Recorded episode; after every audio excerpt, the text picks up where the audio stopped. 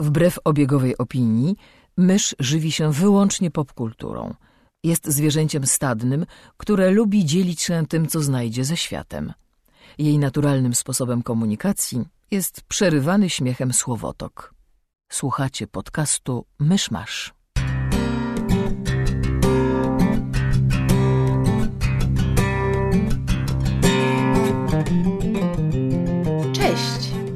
20 lipca 2020 roku. Tego samego dnia, w 2005 roku w Kanadzie, zalegalizowano małżeństwa osób tej samej płci. Jej, tęcza. Witajcie w 227 odcinku podcastu Myszmasz. Fuck! I was so close! Brzmiałaś trochę na początku jak jakaś taka reklama po 23, a, a po... No to tak specjalnie, bo tak próbowałam iść w ASMR. Szur, szur, szur. Dobrze, to czy mam nagrać jeszcze raz z właściwym Nie, numerem nie. odcinka? Jak się nazywasz? To w takim razie widzicie, znaczy słyszycie, Krzyśka nie ma i od razu wszystko idzie. Cholerę, anarchia.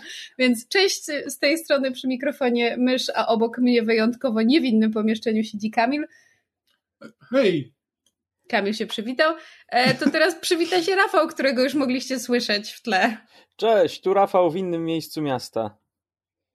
Tak jest, E, ponieważ e, Krzysiek się ze swoją e, narzeczoną był wypuścił na wakacje, em, od dawna zasłużone, w związku z tym postanowiliśmy zwerbować Rafała, żeby em, nawet nie tyle Krzysztofa za, z, zastąpił, bo Krzysztof jest oczywiście niezastąpiony, No, co nie uzupełnił nam, tak, uzupełnił nam lukę w składzie podcastu.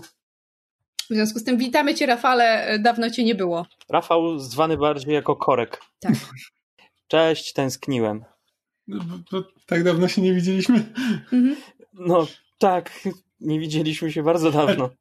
Od bardzo dawna. Znaczy, no, no, no tak, osobiście, osobiście rzeczywiście nie. No i w Myszmaszu też się nie słyszeliśmy od dawna. No, No, to właśnie prawda. do tego nawiązywałam, że e, w Myszmaszu dawno Cię nie było. Racja. Dobrze, ale to skoro cię y, nie było, to może zacznijmy y, w takim razie od tego, co ty ostatnio, że tak powiem, skonsumowałeś popkulturalnie, bo nie było cię tak dawno, więc pewnie widziałeś mnóstwo rzeczy i chętnie nam o nich opowiesz. Nie powiedziałbym mnóstwo. oglądałeś same ambitne tytuły. Tak, wiecie co, tak pomyślałem, myślałem ostatnio o krzyżowaniu różnych żanr w kinematografii e, i scrollując Netflixa zobaczyłem e, nieudany knock-off Teda, e, tego dużego misia podkładanego przez Setha MacFarlane'a e, i jakąś głupią komedię i kliknąłem ją i tak oto minęło później półtorej godziny, a ja czułem, że potrzebuję wziąć prysznic. Mhm. Czyli E. rozumiesz, że, że nie polecasz. No, można obejrzeć, jak chcesz coś totalnie głupiego. E, to, to jest, obejrzałem film The Hangover Games. E, historia tego, ten film opowiada o grupie przyjaciół, e, którzy bardzo przypominają obsadę Cats Vegas. E, jest taki grubszy koleś z brodą, który ma na imię Zak. E, Jest w miarę przystojny koleś w okularach, który nazywa się Bradley. Jest koleś z pociągłą twarzą w okularkach, który nie pamiętam jak się nazywa, i jest ich przyjaciel, który, Prawdopodobnie Ed. coś w tym stylu. E, jest ich przyjaciel, które, który, którego narzeczony czeka, aż dostarczą go na ślub następnego dnia po e, kawalerskim. E, No i zaczyna się od tego, że Zak zaczyna wyciągać, nie wiem, torbę kokainy, jakieś trucizny, jakieś piwa. Oni postanowili, nie, nie zrobisz nam tego tym razem, będziemy bawić się grzecznie. I nagle budzą się następnego ranka w pokoju, który jest usłany jakimiś dziwnymi, dziwnymi, dziwnymi rzeczami. E, I okazuje się, że zgłosili się podczas imprezy do udziału w igrzyskach, które 200 lat w przyszłości e, są organizowane przez Hollywood, e, ponieważ Hollywood nie ma już nic więcej do zaoferowania publiczności, więc zbiera przedstawicieli z każdego sektora rozrywkowego Hollywood po dwie osoby z każdego sektora, na przykład właśnie z filmów, z horrorów, e, z filmów akcji, z filmów komiksowych, z mapetów, z e, z pornosów, z serii programów o Desperate Housewives. I w ten sposób kilkunastu uczestników zaczyna gdzieś w jakimś pewnie niedalekim lesie walczyć ze sobą przedmiotami, które w dużej części są sponsorowane przez firmę produkującą zabawki erotyczne. Dalej już mm-hmm. opowiadam dalej.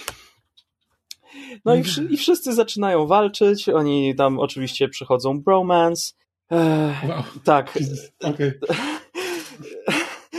Naprawdę, to, to było bolesne, a jednak ten dwunastoletni dzieciak we mnie czasem zrobił takie o, To było, to było no tak. wszystko, co z tego filmu ewentualnie pozytywnego wyniosłem.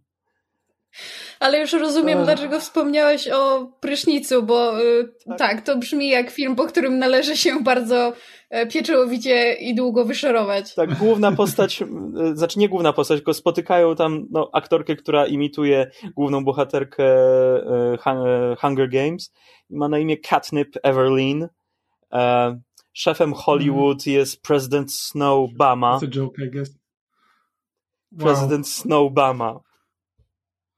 Aha, aha, aha. Nie mówiąc o tym, że no, strzelają, wiesz, tak, Ted ma pluszowego penisa na wierzchu, w którego potem dostaje strzałą. No, to są tego typu rzeczy.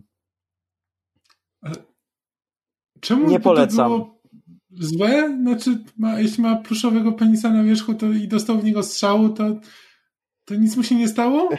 No nic mu się nie... ale Dlaczego... krzyczał. Dlaczego wnikasz w ten film, Kamil? Nie rób mi tego. A, jeszcze, czekaj, jeszcze jeden sekt, jednym sektor, nie wiem, czy to był dokładnie sektor e, przemysłu filmowego, ale przy ognisku w jednej scenie siedziało e, plemię depów. E, był e, był, było trzech różnych aktorów, każdy grał inną postać e, Johnego Deppa. Był e, oczy, oczywiście Jack Sparrow. był oczywiście mm. kapelusz, nie, był Charlie z Fabryki Czekolady e, i nie pamiętam, czy nazywali, w tym filmie nazywali tę postać Tonto, ale podejrzewam, że to nie była ta postać, którą grał Johnny Depp, e, takiego e, wiesz, z białą twarzą. Rdzennego Rdze, tak, Amerykanina tak, tak. z filmu The Lone Ranger. Samotny, nie, jak to się nazywa? Samotny nie oglądałem tego filmu, więc, więc hmm. ciężko mi powiedzieć. Ja, no, jak, no ja razie... widziałam ten film wielokrotnie. Kocham ten film. Jestem jedyna na świecie. no, w każdym razie, a jeszcze był Thor, który też y, wszystkich swoim młotkiem bił. Y, dużo kiepskiego CGI. E, były gwiazdy porno, które wszędzie utykały i nie mogły się uwolnić i potrzebowały pomocy. Nie wiem, czy coś jeszcze pamiętam z tego. Oczywiście był koleś, który miał dziwnie wygoloną brodę. To w nawiązaniu do Hunger Games też. Do czego? Ktoś miał dźwięk? Tak, A, dobra, był. Wiem, Wes tak. Bentley go grał, miał taką, rzeczywiście miał super brodę. Nazywa się okay. że Seneca Crane się okay, rozumiem, że to jest po prostu, to, to jest ten rodzaj komedii, w której nawiązanie jest równie dobre co żart. I tak, jak już tak. tak. nawiązanie, to tak. I dwa razy mu, dwa razy mu zrobili inną tę brodę. Na samym początku e, miał na jednym policzku wygolonego penisa, a w ostatniej scenie miał wygolone The End na drugim policzku. Okej, okay, Nie, dobra, nie ma. Ale. Nie, nie oglądaj tego filmu, Jezus Maria. Ale wiecie co? Bardziej się śmieję teraz opowiadając wam ten film, niż oglądałem. Jej, jaki tam mieli marny teraz... budżet. O Boże. Niech teraz nigdy nasi słuchacze nie twierdzą, że nie oglądamy filmów dla mas. A nie tylko ciągle te inteligenckie książki, wybitne filmy komiksowe. Tak. Znaczy, umówmy się, ja absolutnie nie mam prawa komukolwiek przyganiać, ponieważ ja, kiedy mam ochotę obejrzeć coś odmurzającego, to y, mam dwie kategorie, to są um, głupie młodzieżowe komedie na Netflixie, albo również na Netflixie, albo na innej platformie y, filmy romantyczne typu, y, wiecie, świąteczny film Hallmarku, pod tytułem Przyjeżdża jakaś ten, jakaś napuszona i pewna siebie zołzowata jakaś ten korpodziunia do jakiejś małej miejscowości, bo dziedziczyła tam dom w spadku i tam spotyka ducha byłego właściciela tego domu i się w nim zakochuje i to jest wielkie love story i to jest to jest, no to jest po prostu wata cukrowa dla mózgu, więc mhm. ja to rozumiem. Tak, każdy czasem potrzebuje po prostu obejrzeć coś, tak. co... Popkulturowy junk food. Tak, dokładnie. No.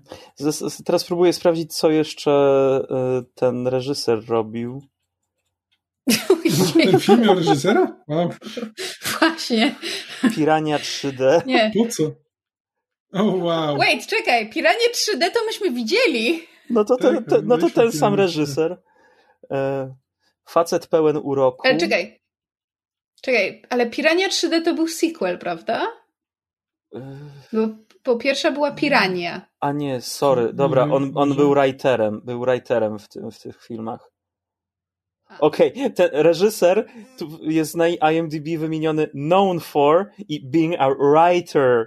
Był pisarzem w Piraniach, a nie, a nie dyrektorem. E... No to wybitny debiut. Mhm. I był, był asystentem produkcyjnym Dziewczyny z komputera, Sex Ed, Killer Party, Fatal Lisa, Mr. President Keeps on Ticking. Okej. Okay. Znaczy, no, umówmy się, że e, film ten leży w jego emploi. Pewnie tak. E...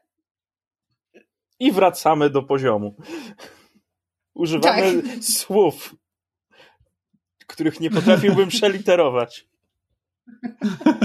Plois? Czekaj.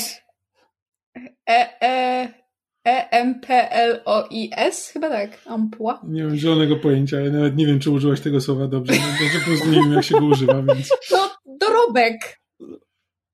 Okej. Okay. Okay. Dobrze, e, zanim, zanim tutaj...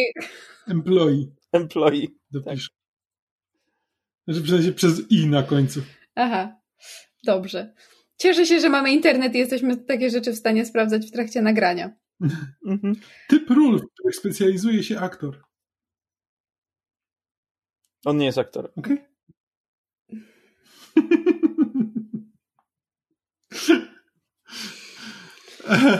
głębokie wdechy, myszu, głębokie wdechy.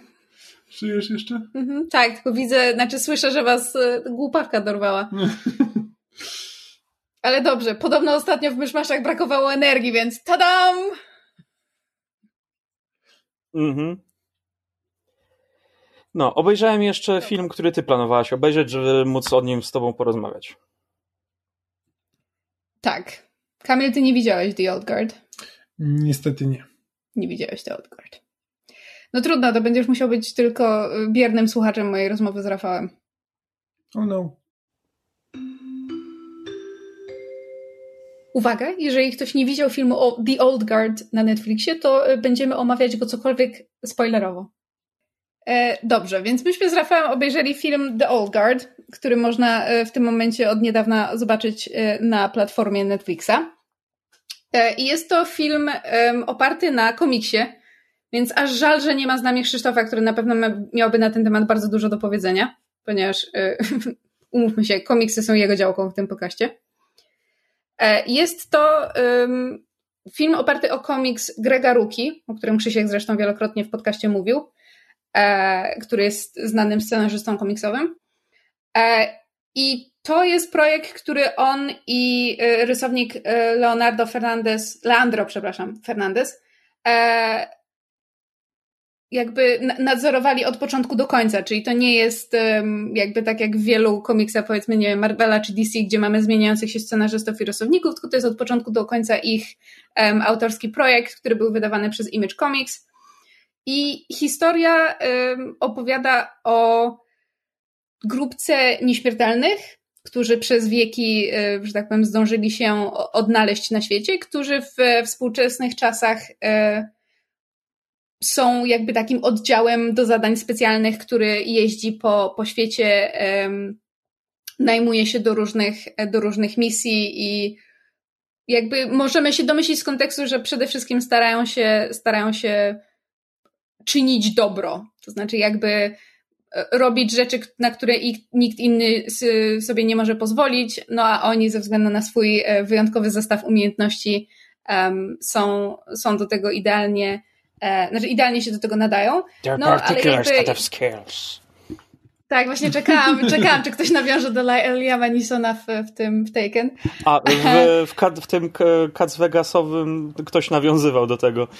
Pierwszy telefon, który mm. wy, wykonał po zakończeniu jakby igrzysk, odebrał jakiś właśnie koleś, który mówił tym głosem i po prostu, gdy już wygłaszał swoją przemowę z pogróżkami, rozłączył się w, w środku rozmowy i zadzwonił do kogo innego. Ta. Ma to sens.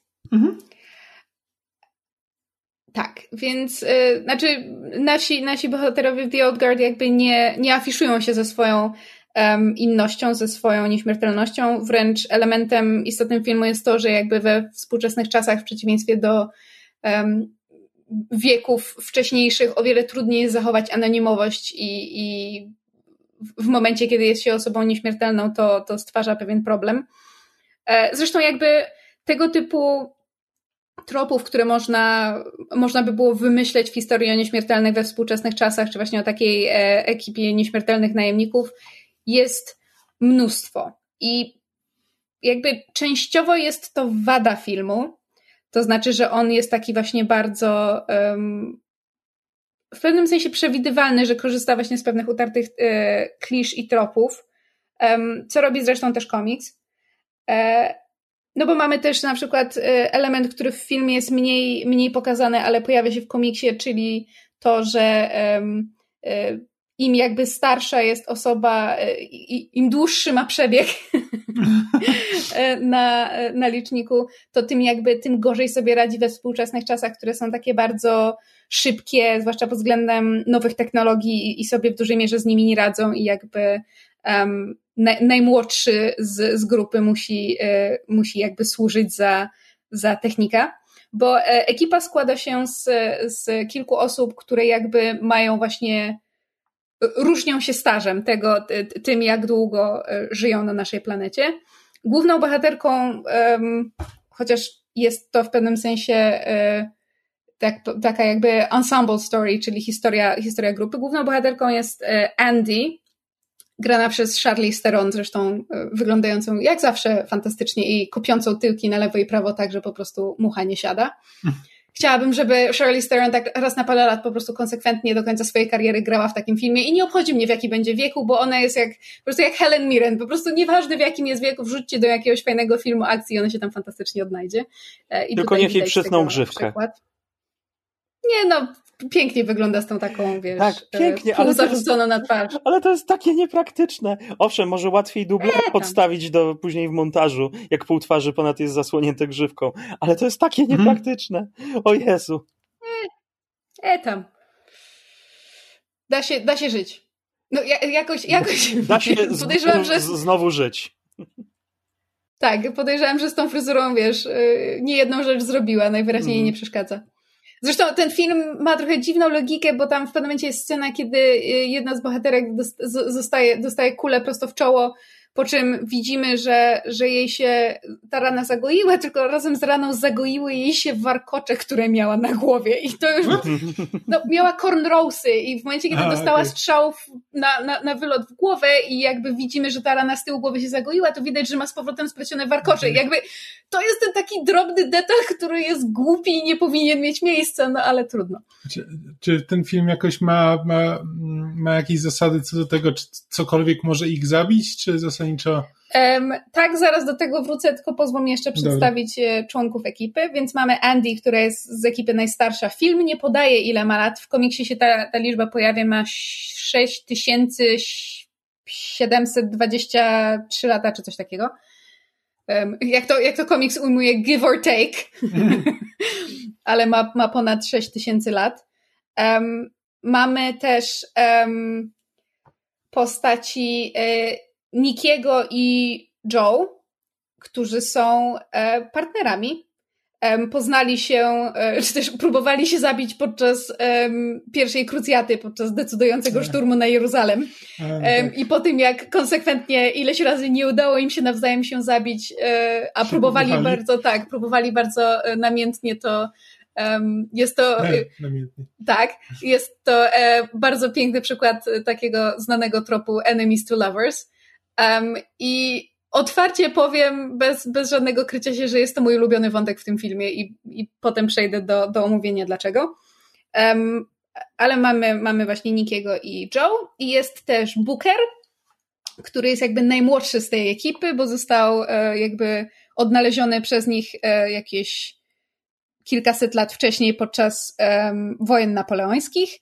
E, więc on jest jakby najmłodszy z całej ekipy, on się zajmuje właśnie ogarnianiem technologii, bo to, to jeżeli ktoś właśnie w fantastyce czyta, nie wiem, książki o wampirach albo właśnie o nieśmiertelnych, ten taki wątek tego, że z czasem przestają ogarniać coraz szybciej pędzącą technologię się pojawia i tutaj, tuż, tutaj też go mamy. Um, tego nie rozumiałem do końca, jakby nie bardzo widzę. Znaczy, ja nie ogarniam części współczesnej technologii, bo za szybko postępuję, więc absolutnie jestem w stanie jakby przyjąć do wiadomości, że ktoś, kto jakby żył w innych czasach i ma dłuższe inne doświadczenia, no, też nie jest w stanie tego ale ogarnąć. Właśnie, ale to dla mnie to by znaczyło, że ma doświadczenia ze uczenie się coraz to nowszych technologii, jakby. Tak, ale zauważ, są badania naukowe, które mówią, że jakby tempo zmieniania się i rozwoju technologii współcześnie ma jakby rośnie, może nie geometrycznie, ale close to that. W związku z tym jakby inaczej, jest też powód, dla którego bardzo wiele osób starszych jakby nie ogarnia technologii, bo po prostu nie są w stanie. Znaczy, to jest, to jest motyw, który jest na tyle nie bójmy się tego słowa wyświechtany, że to, że to się pojawia w tym filmie mnie nie dziwi. Znaczy, nie, jakby nie dziwi, bo tak, no jakby właśnie znaczy... jest to motyw, który jakby widziałem wielokrotnie, tylko po prostu jakby tak, jeśli ktoś żyje przez 6 tysięcy lat, to jakby i jakby i funkcjonuje tak ogólnie dobrze, no to znaczy, że jakby ma umiejętności dostosowywania się do okoliczności, więc też jakby to nie jest tak, że to jest coś zupełnie nie do ogarnięcia i w dodatku ma czas na to, żeby to wszystko ogarniać. Więc e, po prostu zawsze mi się wydawało to dosyć dziwne. Znaczy, ma czas to ogarniać, ale nie musi chcieć, to po pierwsze, bo jakby właśnie to są rzeczy, które się zmieniają. Znaczy inaczej, wyobraź sobie, że masz te tam 6000 lat doświadczeń i jakby w momencie, kiedy przy, takim, przy takiej rozpiętości życia ludzkie życie jest dla ciebie mrugnięciem, bo jakby te tam, powiedzmy, optym, w optymistycznym scenariuszu, powiedzmy 70 lat życia człowieka to jest dla ciebie mrugnięcie, to fakt, że co dwa lata musisz się uczyć nowego telefonu, jest, jest strasznie upierdliwe. Właśnie tutaj, tutaj to, że żyjesz tyle tysięcy lat, to jest utrudnienie w tym momencie, bo, no. bo no, my jako ludzie, którzy żyjemy normal, normalny okres ludzkiego życia, no nie nadążamy za bardzo, a powinniśmy być przyzwyczajeni do tego, że technologia się rozwija szybko. Wiesz, myślę, że o wiele łatwiej było się e, tej Andy e, przystosować do skoku technologicznego, jakim była, nie wiem, poczta konna, niż. Albo nawet e, broń palna. Czy, tak, nawet broń palna, niż właśnie przeskoczenie z faksu na telefon komórkowy, na messengery, na zaawansowaną obsługę sieci. I, i Zooma jakby... na przykład.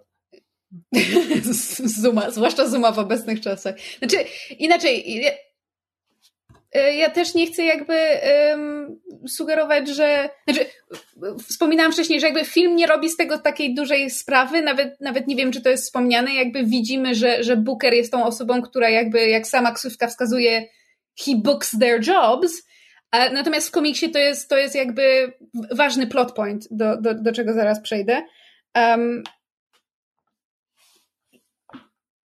wydaje mi się, że to jakby Jasne, to, to, to jest taki um, trochę ograny schemat, który, który może denerwować i wiem, że właśnie bardzo um, sporo osób, które widziało film jakby um, jego, jego taką przewidywalność i, i to, że jest posługuje się ogranymi motywami, jakby znudziło i, i, i, część osób nie, nie była w stanie dooglądać do końca albo zrobiła to z pewnym um, znudzeniem. Czy, właśnie chciałem zadać pytanie, czy jakby e, czy ten film robi z tą nieśmiertelnością coś jakby e, ciekawego, czego by na przykład nie robiły filmy o wampirach, czy po prostu ci nieśmiertelni to są wampiry, które nie muszą pić e, krwi i nie boją się światła, czy jakby, czy jest w tym coś jeszcze, e, coś, czego nie widzieli, nie widzielibyśmy wcześniej? Znaczy, to trudno stwierdzić, bo ja nie, nie, ani nie czytałam wszystkich książek o, o, o wampirach, ani tym bardziej o jakby nieśmiertelnych, natomiast E, film, znaczy jakby zarówno film, jak i komiks, y, bo pytałeś, jak, jakie są zasady tej ich nieśmiertelności, więc jakby um, zarówno w filmie, jak i w komiksie przewija się taki motyw, że to nie jest technicznie rzecz biorąc to, że oni są nieśmiertelni, oni umierają. Tylko jakby jeszcze nie. I hmm. nie wiadomo kiedy. Um, to jest bardziej Wolverine jest jakby... regeneracja póki co? Tak, a w którymś momencie po prostu bez żadnego powodu nikt nie wie dlaczego, nikt nie wie kiedy. W pewnym tak momencie jak już po Old prostu... Man Wolverine mniej więcej? Tak, przestają się że, regenerować. Że byli jacyś inni ci Oldgardowie, którzy po prostu nagle umarli i nikt nie wie czemu, tak? Znaczy, tak i nie, w tym sensie, że wiemy, że Andy jest y, najstarsza, i ona w swoim życiu spotkała po drodze innych nieśmiertelnych, bo jakby też kolejnym motywem, który się przewija przy okazji nieśmiertelności jest samotność, no bo jakby wszyscy, wszyscy których znałeś giną, a ty, a ty żyjesz dalej i jakby jeżeli nie spotkasz innej osoby podobnej do, do, do siebie, no to jakby jesteś skazany na, na życie samotnie. Więc jakby jest powiedziane, że, że owszem, są inni nieśmiertelni, których, e, których po drodze um, się spotyka. Zresztą zarówno w filmie, jak i w komiksie jest taki motyw, że kiedy jakby kiedy pojawia się nowy nieśmiertelny, to istniejący nieśmiertelni zaczynają o nim albo o niej śnić. E, I śnią o tej mhm. osobie, póki jej nie odnajdą. Co oczywiście w czasach, e, powiedzmy, przed naszą erą, kiedy trzeba, kiedy jakby podróżowanie przez kontynenty zajmowało mnóstwo czasu i trudno się było jakby zorientować, gdzie kto może być, to odnalezienie drugiej takiej osoby zajmowało dużo czasu, um, ale śnią o takiej osobie, dopóki jej, jej nie odnajdą, więc jakby jest w tym jakiś element tego, że oni mają się e, szukać. Nie, tak przynajmniej coś, czego nie widziałem w filmach o wampirach. Znaczy motyw tego, że wampiry są w stanie wyczuwać inne wampiry albo wiedzą, gdzie są, bo mają jakieś tam no, okay. więzi. To się pojawia u Unrise, nieważne, nie wnikajmy w to. Okay, um, tak, w każdym razie e, jakby są pewne zasady, które tą ich nieśmiertelnością rządzą, ale w filmie jakby fabuła filmu się zasadza na tym, jak można się pe pewnie domyślić, jeżeli widzieliście trailery, to też mogło wam, że tak powiem, podpowiedzieć pewne rzeczy. Mianowicie ktoś oczywiście odkrywa ten ich sekret e, i stara się ich e, schwytać, żeby wydrzeć im tajemnicę nieśmiertelności. Tutaj jest, y, znaczy w, w tym wypadku jest to pod pretekstem jakby badań um, medycznych, y, chce ich porwać firma farmakologiczna, jakby żeby na podstawie ich wyjątkowych umiejętności e, móc, prawda, popchnąć medycynę do przodu, stworzyć jakieś super leki i tak dalej. I problem mam ta, z, tym filmem taki, że z jednej strony to jest film akcji, jakby wyraźnie on jest na, oparty, na, oparty na komiksie, który jakby nie, nie boi się um, z, z, z, krwawych scen, y, takich, gdzie, gdzie jakby dużo się dzieje, wiecie, dużo się strzelają, krew leje się strumieniami.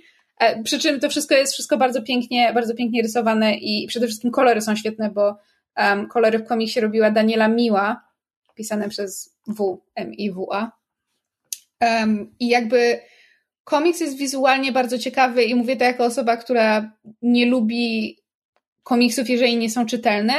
Ten momentami pod to podpada, ale ma fantastyczne wykorzystanie kolorów. To znaczy, tam jest świetna gra właśnie światłocieniem i jakby sylwetkami, i to robi tak z połowę tego, czym jest ten komiks.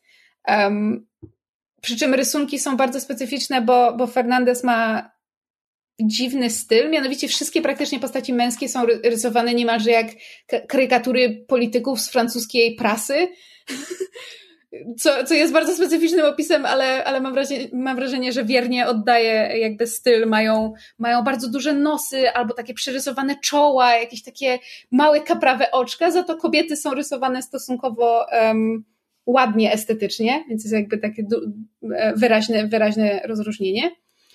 E, Natomiast wracając do filmu, film wyraźnie jest filmem akcji i sceny, e, choreografia, choreografia walki jest, jest w ogóle w filmie super. E, patrzenie jak, jak Charlize Theron i, i ekipa pozostałych aktorów włoją tyłki na prawo i lewo jest, jest e, bardzo sympatyczna. Żałuję tylko, że montaż nie jest lepszy, ale z tego co wiem, montażystka nie ma bardzo dużego doświadczenia w montowaniu filmów akcji z, z dużą ilością walk. co niestety mam wrażenie odbija się niekorzystnie na, na, na tym filmie. To nie, jest, to nie jest ten e, poziom realizacji walk, co powiedzmy w Johnny Wicku czy w Atomic Blonde, gdzie jakby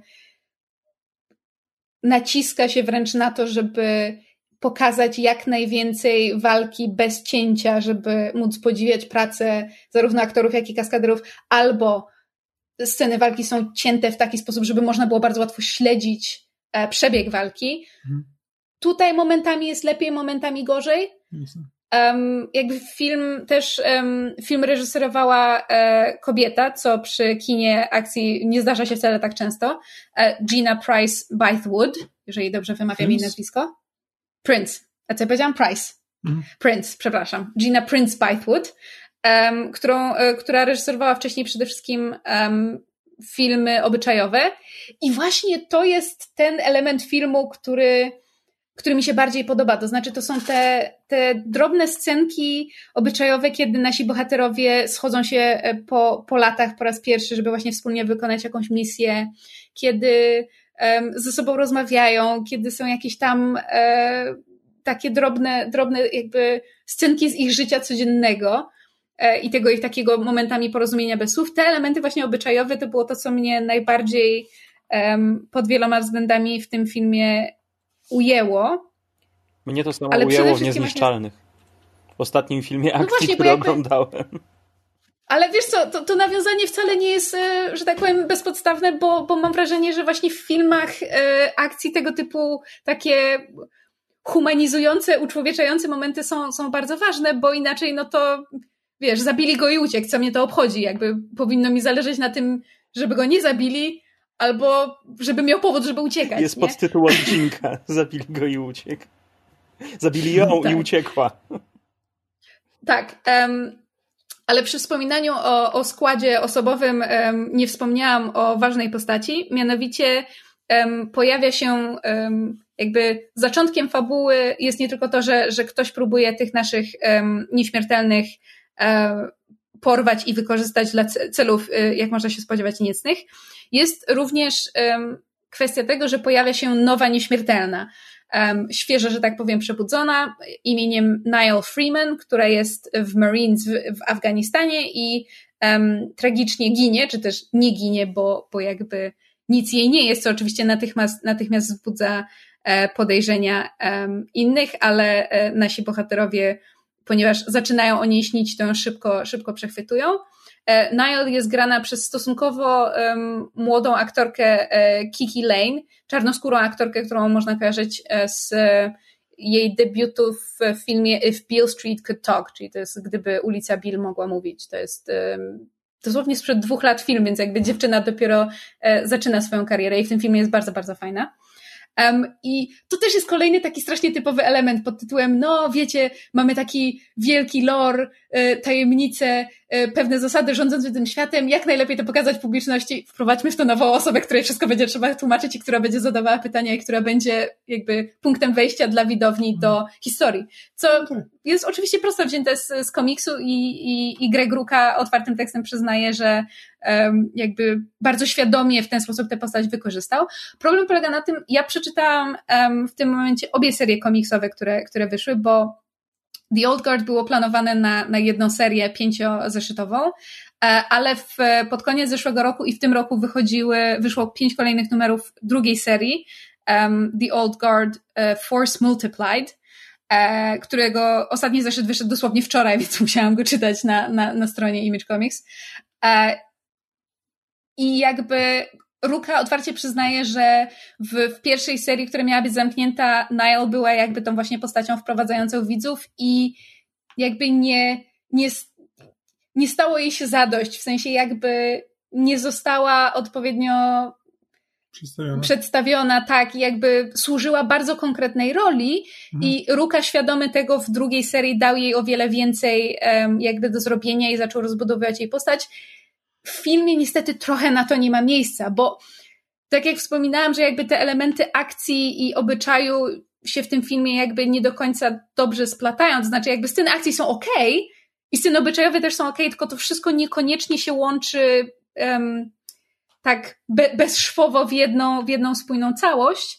E, tempo filmu momentami, momentami siada, jakby Rafał zanim zaczęliśmy nagranie, to nam mówił, że, że ten, że niektóre dłużyzny to tam po 10 sekund trochę przewijał, co ja jakby totalnie rozumiem. Um, mnie no, akurat no, ten film Akurat ten też film nie, nie, chciałem, nie chciałem siedzieć ponad dwie godziny przy jednym filmie.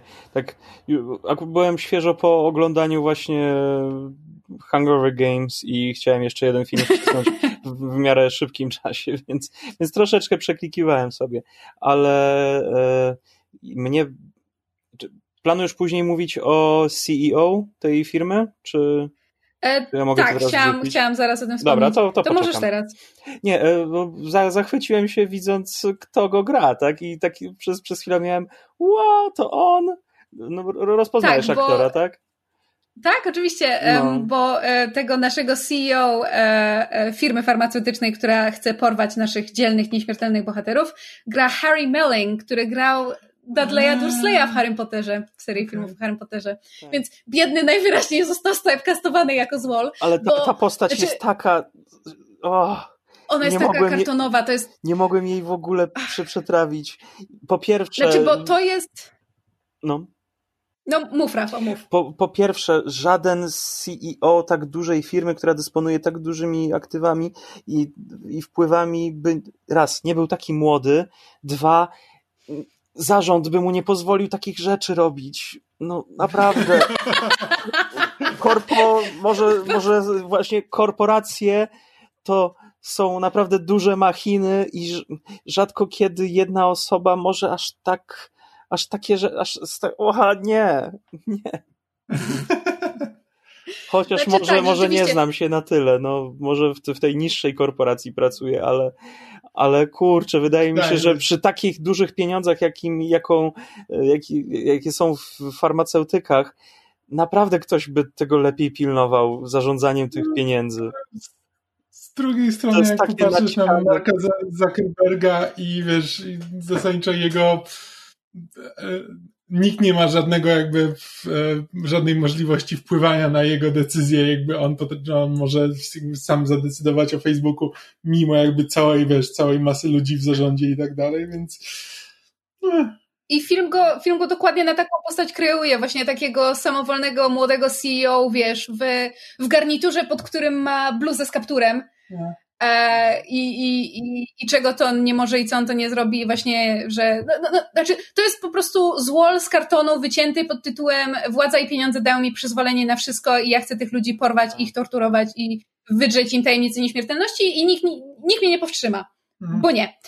Um, żeby było śmieszniej i tak jakby jest, jest troszeczkę postępu między, znaczy jakby y, poprawy między filmem a, komik a komiksem, bo w komiksie on jest już jakby totalnie jeszcze grubszymi kreskami, y, że tak powiem, rysowany, haha, um, bo jest um, do tego wszystkiego jest e, blond E, krótko ostrzyżonym, napakowanym, wytatuowanym dupkiem, który jeszcze do tego jest psychopatą i socjopatą, bo jest scena, kiedy um, z ogromną przyjemnością i bez żadnego zawahania um, jakby torturuje um, część z bohaterów, których I guess spoilers udaje mu się złapać po prostu repeatedly dźgając ich nożem, bo tak, bo może. Bo kto mu zabroni? Kto bogatemu zabroni? Więc jakby w filmie jest, jest jest troszeczkę delikatnie zarysowany, ale niewiele. Um, i, i, i, jest przede wszystkim pretekstem, żeby, żeby jednak naszych bohaterów, um, żeby na, nasi, nasi bohaterowie wpadli w jakąś kabałę, z której, z której potem muszą zostać e, wydostani i żeby był tam jakiś, jakiś konkretny złol. E, I jest też jedna postać, e, o której jeszcze nie wspomniałam, mianowicie e, James Copley, którego gra Chiwetel Ejiofor. E, który jest byłym agentem CIA, który teraz pracuje jakby na, na własną rękę i początkowo myślimy, że chce naszym bohaterom pomóc, potem się okazuje, że nie, bo właśnie współpracuje z Merikiem, się okazuje, że ich, ich jakby zdradza i, i wpakowuje ich w te, w te problemy. Ale nie jest to totalnie jednoznaczna postać. To znaczy, jakby. Tu jest problem, bo on ma w pewnym momencie jakby change of heart i jakby zaczyna żałować tego, że, że pomagał Merickowi i że dostarczył mu tych ludzi. ale to jest takie strasznie, tak strasznie tanio w filmie wypada, to znaczy jakby to jest agent CIA, który jakby rozgryzł, że ci ludzie są nieśmiertelni i postanowił nie wiem, czy jakby z własnej woli, czy został do tego najęty, sprzedać ich w firmie farmaceutycznej i znaczy, dopiero kiedy widzi torturowanych, to, to nagle ma taką i jakby widzi, że ten, że ten, ten CEO, ten Merrick jest po prostu kompletnie e, no jakby psychopatą. tak, kompletnym psychopatą, który jakby otwartym tekstem przyznaje no tak, wezmę od nich próbki ale jak nie wypuszczę, ja ich będę badał, dopóki, dopóki nie, nie, nie zdobędę tej tajemnicy i nie dowiem się, co, co sprawia, że, że są nieśmiertelni. I Copley się dziwi na zasadzie, ale mówiłeś, że tylko pobierzesz od nich próbki i ich wypuścisz. And I'm just like, seriously, dude? Jakby pracowałeś w CIA, przecież nie możesz być aż tak naiwny. Mm-hmm. Znaczy, on, on rzeczywiście ma w filmie um, podbudowę, znaczy w sensie jest to, jest to wytłumaczone tym, że, że jego żona niestety miała nieuleczalną chorobę i on patrzy jak ona umiera i nie był jej w stanie pomóc. I słysząc jakby dla... jego argumenty było to, że on po prostu rzeczywiście wierzył, że Merrick chce dobrze, że chce rozwoju medycyny i jakby jeżeli miał do wyboru wiecie, opcję, że zostaną wynalezione leki na bardzo wiele śmiertelnych chorób na podstawie próbek pobranych od tych nieśmiertelnych ludzi, a, a ich chwilową, że tak powiem, niedogodność dla nich, no to to było poświęcenie, na które Copley był gotów. Ale w momencie, kiedy odkrywa, że nie, że on, że, że, że Mary zamierza ich przetrzymywać, to, to nagle sobie myśli, o to chyba jednak nie jest najlepszy układ. Co i tak, i tak jest lepszy niż to, co jest w komiksie, bo w komiksie on nie ma danej takiej motywacji.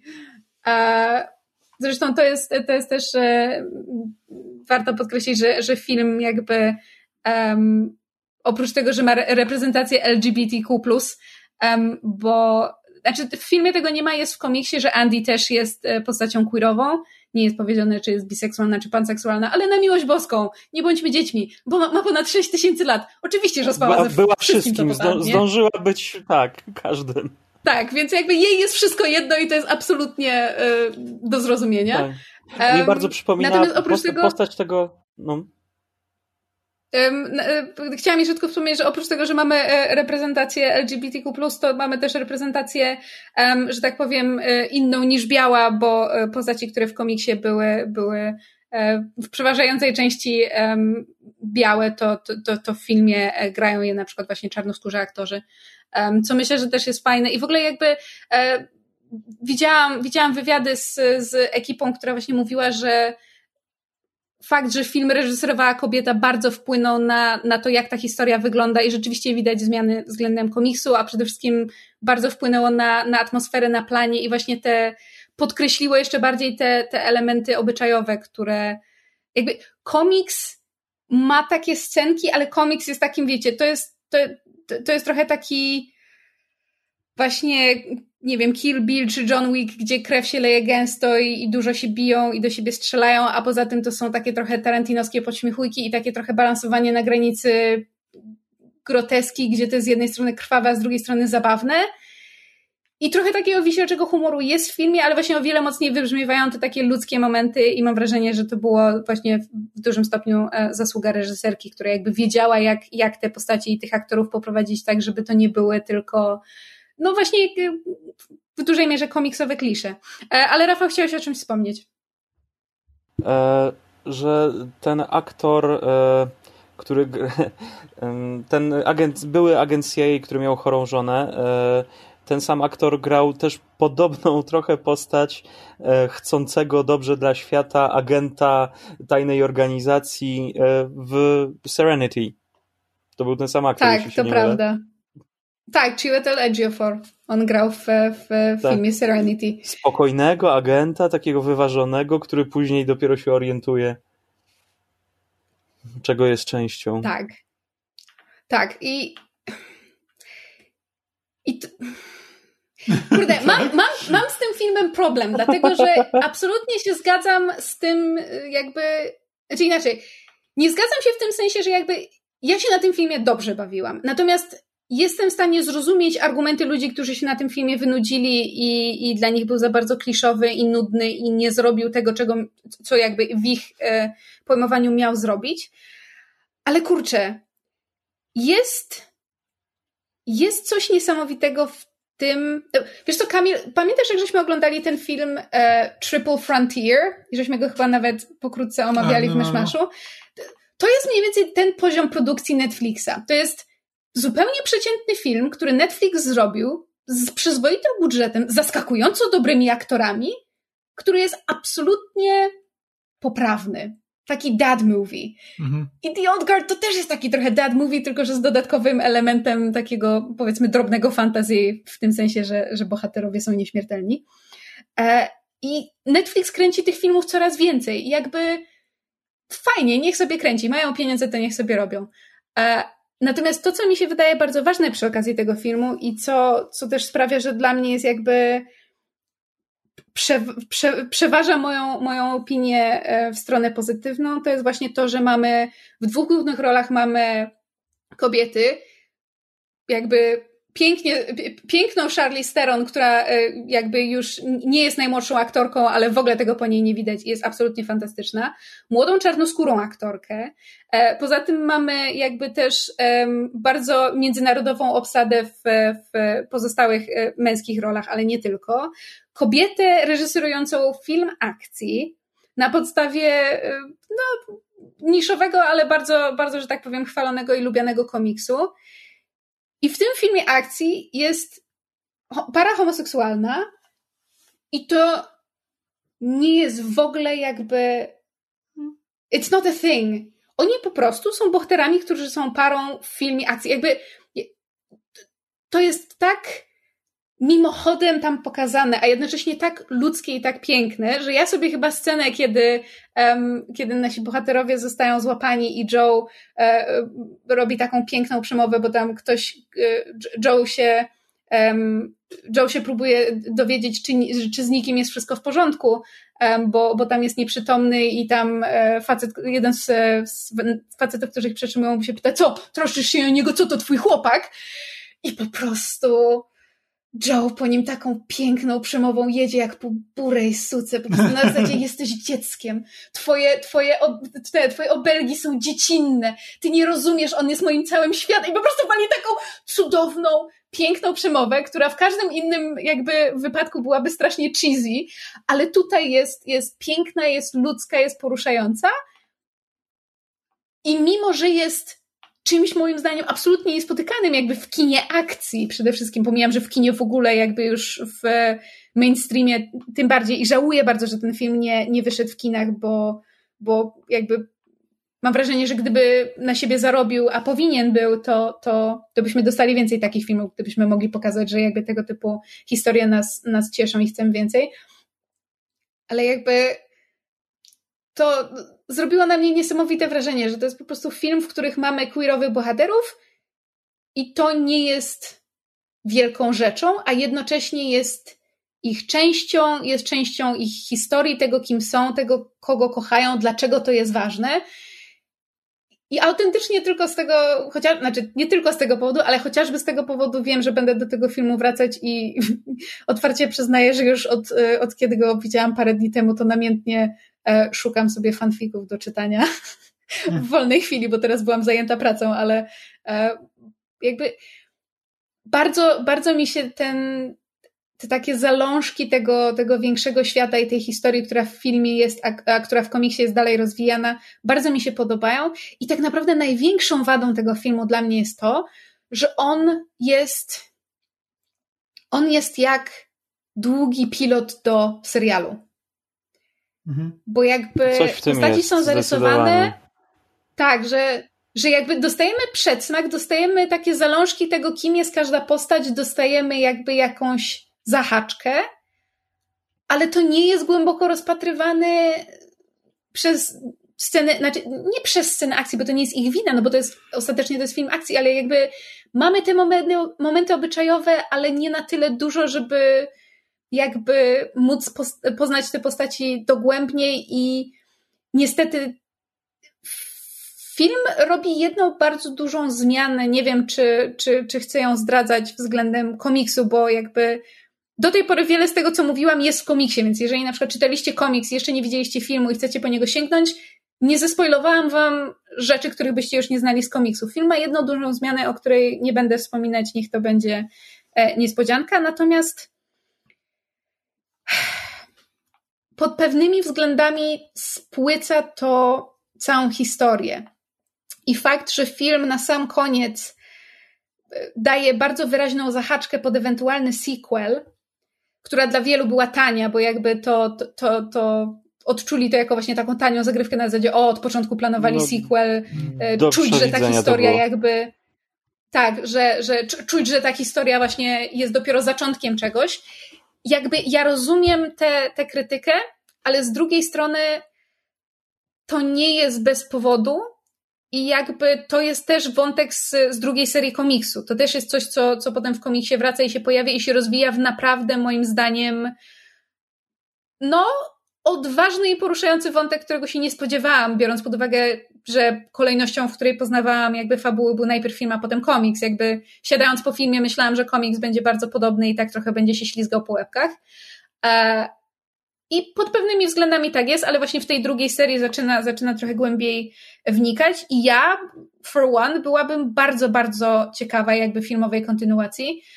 W ogóle to, znaczy pomijam, że ja tak bardzo kocham motyw nieśmiertelnych jakby przez wieki, że, że ja bym w ogóle najchętniej cały serial o tych wszystkich ludziach obejrzała, bo ale ci aktorzy ja właśnie byli tak te, też mówię, lepsze to było lepsze by to było jako, jako serial, myślę, bo na, naprawdę i, i tematyka, i postaci lepiej mogłyby się rozwinąć. No, tylko czy, czy Charlize, Charlize? Tak, Charlize. Czy, czy ona by Theron, poszła w, tak. do serialu? Czy ona grała w jakimś serialu w ogóle wcześniej? Czy, właśnie, znaczy, ja właśnie miałem tak, że jak myśmy powiedziała, że właśnie, że ogląda to Old Guard, obejrzałem jakiś, e, widziałem jakieś materiały o tym, e, o tym filmie jakby wcześniej, nie wiedząc, że to jest film i po prostu zakładałem, że to jest serial, ponieważ wyglądał jak serial i robił to Netflix, więc zakładałem, że to jest serial i dopowiedziałem, że a nie, w tym jest Charlize Theron. Czy to jest na pewno serial?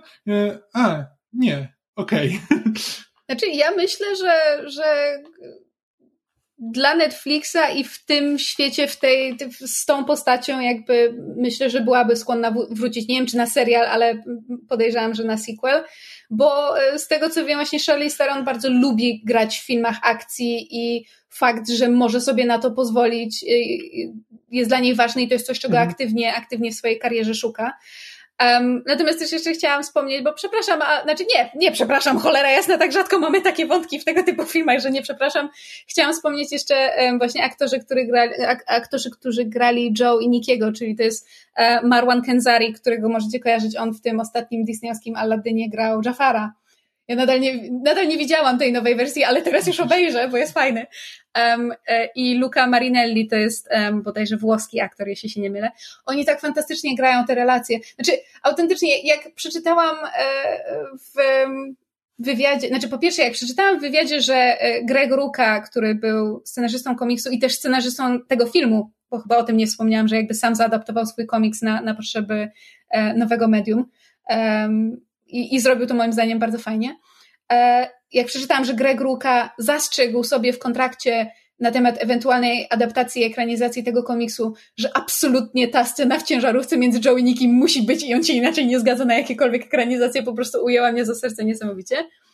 Ale też strasznie ujmujące było to, jak przeczytałam, że właśnie Marwan Kenzari i Luca Marinelli um, jakby bardzo wiele takich drobnych scen i gestów, które między Joe i Nikim w filmie się pojawiają, wyszło z inicjatywy tych aktorów, którzy mieli niesamowitą chemię i po prostu jakby świetnie czuli te, postaci, te, te postaci i tak fantastycznie oddawali ich reakcje. E, I nie wiem, dla mnie to jest po prostu szalenie, szalenie ujmujące i I love them! They're my babies! No. Więc tak, e, no, The Old Guard, um, jako się szło, słowo rzekło przez prawie godzinę myszu, e, jest to film nierówny, ale mi się podobał wydaje mi się, że są w nim rzeczy, e, które, na które warto zwrócić uwagę i które jakby, nawet jeżeli sam film jest w najlepszym wypadku poprawny, a w gorszym przeciętny lub kiepski, zależnie od tego, z kim się porozmawia, to, to są, są elementy, które warto e, podkreślić, bo są ważne. I, i, i warto, żeby więcej filmów um, tego typu jakby rzeczy wprowadzało. Bo jak widać, można mieć postaci queerowe w filmie, gdzie ich queerowość nie jest esencją i początkiem i końcem wszystkiego, a jednocześnie jest częścią ich życia i, i historii. I jest po prostu zwykła i, i fajna i, i pasuje. Mhm. Myślę, że to jest ważne. Mi trochę ten film przypominał klimatem Sense8. Tak, chociaż jest to bardzo dalekie skojarzenie, ale rozumiem, co masz na myśli, bo jakby e, rzeczywiście między tymi naszymi bohaterami, którzy mają te, te takie, te, te, śnią o sobie i mają się odnaleźć przez mhm. wieki mm. i potem razem przez te wieki żyją i tworzą taką było, nie było trochę dysfunkcyjną komórkę e, rodzinną. Rzeczywiście je, jest w tym, jest w tym coś Kurczę, fajnie, że o tym wspomniałeś, Rafał, bo, bo jakoś nie miałam tego skojarzenia, ale teraz jak, jak o tym mówisz, to rzeczywiście te, taki ten e, takiej wybranej rodziny, która, która przez, przez wspólne jakby um, doświadczenia i więzi się, się odnajduje, się łączy, jest, jest tam bardzo silny. Rzeczywiście. To tak jak nasza rodzina. O! o! Nie będę płakać. No. Kurde, powstrzymała się. Myślisz, że o co mi chodziło? Znaczy, Kamil siedzi obok i jest świadkiem, że szklą mi się oczy, więc jest blisko. Ach, tak. Spoko, możemy być taką mm, rodziną, ale pod warunkiem, że mogę być takim ten... No. Te, te, mogę być takim kopaczem tyłków, jak, jak Charlie Theron w, w The Old Guard. Mo, mogę się na to zgodzić. Przecież jesteś. Przecież jesteś. O, bless you. E, więc tak, ja, ja The Old Guard polecam. Jakby to jest, to jest film do kotleta, film wieczorem z, z partnerką, z partnerem, z osobą partnerską, z kim tylko chcecie obejrzeć, albo nawet sami, e, nie wiem, do kolorowanki, do, do malowania paznokci, do prasowania, do czegoś. Ja miałam z niego olbrzymią frajdę e, i, i, i będę jakby, e, znaczy przede wszystkim bardzo się cieszę, że dzięki temu przeczytałam e, komiks i będę czekała teraz na, na, na trzecią część, kiedykolwiek się pojawi Pewnie nie prędko, no bo mówię, druga, druga, drugiej ostatni numer wyszedł wczoraj, więc chwilę sobie poczekam.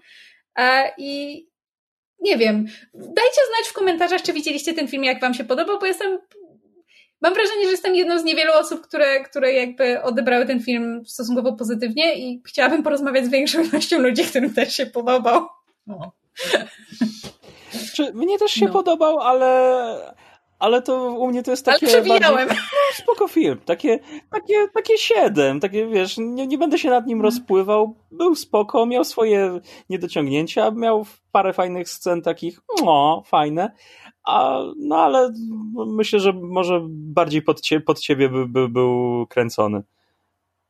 Ale myślę, że, że y, takie siedem to jest dobra, dobry tagline od Myszmasza, jako wiecie, te takie oceny od, od gazet z gwiazdkami. No, takie siedem.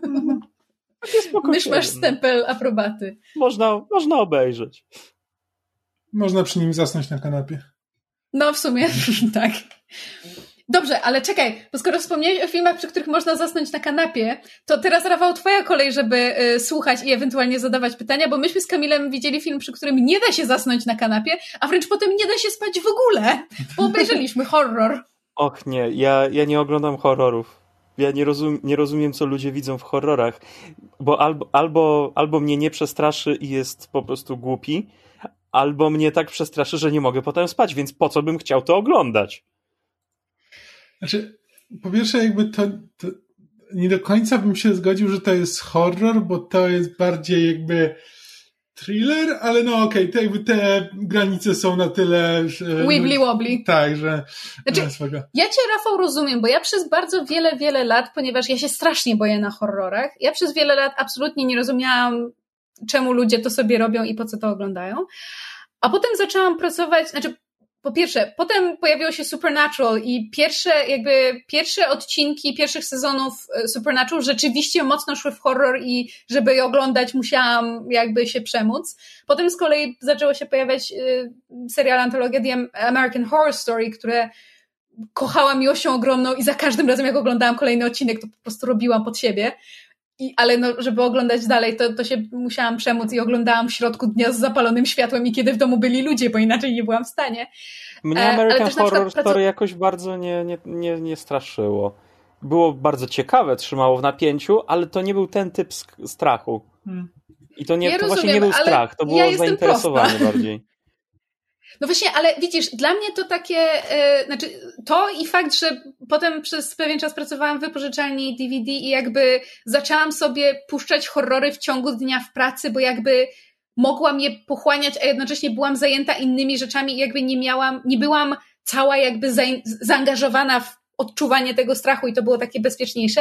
Ale właśnie to, co wspomniałeś o ciekawości przy American Horror Story jest dla mnie, e, znaczy w sensie ciekawe, że o tym wspominasz, bo zauważyłam właśnie z czasem, że w horrorach bardzo często w ciekawy sposób są, znaczy po pierwsze są czasami ciekawe fabuły, a po drugie horrory są właśnie tym, tym gatunkiem, w którym w ciekawy, często metaforyczny, zaowalowany, zawoalowany sposób można komentować rzeczywistość, a przede wszystkim jakby ludzkie lęki, ludzkie uprzedzenia, jakby co to znaczy być ludźmi i, i, i tego typu bardziej głębokie sprawy.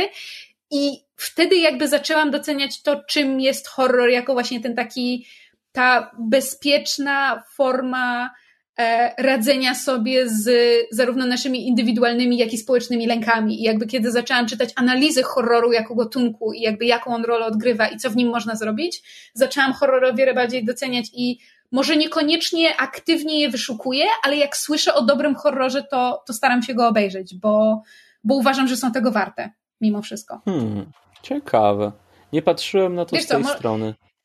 Jak, jak się skończy pandemia, to możesz kiedyś do nas paść i sobie obejrzymy razem horror. Albo ewentualnie możemy obejrzeć przez Netflix Party, przez czat, żebyś nie czuł się sam. Co prawda to nie jest to samo, co wspólne siedzenie na kanapie, ale zawsze coś. Ja tylko no się... możemy na, na jakiś ja się ustawić. Ja miałem jakby podobne doświadczenia z horrorem, tylko że w grach, gdzie jakby też kiedyś trochę e, trochę na początku podchodziłem do różnych horrorowych gier, tak, trochę jak pies do jeża, ale, ale byłem po prostu ciekaw. A, ale właśnie to jest taki, takie poczucie, że szczególnie właśnie, szczególnie survival horror, że gry typu Resident Evil, gdzie jakby na początku masz bardzo małą moc sprawczą, masz wszystko, każde, każdy wróg jest śmiertelnym zagrożeniem, a kończysz grę i nagle i się orientujesz, że jakby kończąc już tę grę, już przeszedłeś to tyle razy, że jakby że jesteś panem tego, tego otoczenia i, e, i tutaj nic ci nie zagraża. I to jest jakby trochę, trochę też podobne do tego, co po prostu e, czym są czym potrafi być horror jakby w filmie, że po prostu właśnie takie stawienie czoła temu strachowi, że jakby, że gdzieś tam na końcu i przychodzi to katarzis, które jakby e, sprawia, że jakby konfrontujesz się z tym, co powoduje ten pier, pierwszy niepokój e, i jakby z każdym kolejną, z każdą kolejną rzeczą już jakby e, odbierasz każdy kolejny horror bardziej intelektualnie, a nie, a nie tak emocjonalnie. Tak, chyba, że jest to wspomniany już kiedyś przeze mnie Midsommar, który rozjebał mnie do końca i ja chyba nigdy się nie pozbieram po tamtym filmie. Zresztą oglądając właśnie ten e, film, którego tytułu nawet żeśmy jeszcze nie podali, The Invisible Man, to miałam momentami skojarzenia z Midsommar, bo jakby działał u mnie na trochę podobne, e, jakby wywierał nacisk na podobne emocje. Hmm. E, ale może przybliżmy, o jakim filmie mówimy. Bo chodzi o film The Invisible tak, Man, czyli Niewidzialny no. Człowiek. To jest film, um, znaczy jakby postać Niewidzialnego Człowieka możecie kojarzyć, bo to jest jakby jeden z potworów ze stajni potworów Universal. Jakby ten, ten słynny, wiecie, człowiek okutany w bandaży z, okular, z okularami w płaszczu, który w momencie, kiedy chce się znowu stać niewidzialny, to zdejmuje te bandaże, pod nimi nic nie ma. No to to jest, to jest stały numer. I e, The Invisible Man to jest film z, z tego roku, znaczy wyszedł w tym roku, więc świeżynka. Ale film miał bardzo dziwną historię powstawania, to znaczy początkowo The Invisible Man miał być filmem w ramach tego nieudanego Dark Universe, gdzie, gdzie miała być ta mumia z Tomem Cruzem, ale potem jak ta mumia z Tomem Cruzem sobie nie poradziła, to Universal szybko się rakiem wycofał z tego. Znaczy, wycofał się z tworzenia uniwersum i postanowił nadal nakręcić filmy o tych jakby potworach ze swojej stajni, ale jako indywidualne, niepowiązane mm. filmy, bardzo często pokazując je w, w trochę inny, y, ciekawszy sposób. I właśnie The Invisible Man stał się, stał się takim filmem. Napisał to y, i wyreżyserował Leigh Whannell, którego wiedziałam, że kojarzę nazwisko i nie wiedziałam z czego. Lee Whannell, nie? Właśnie nie wiem, czy Lee, czy Leigh, bo to jest mężczyzna. To jest scenarzysta i reżyser Piły. Huh.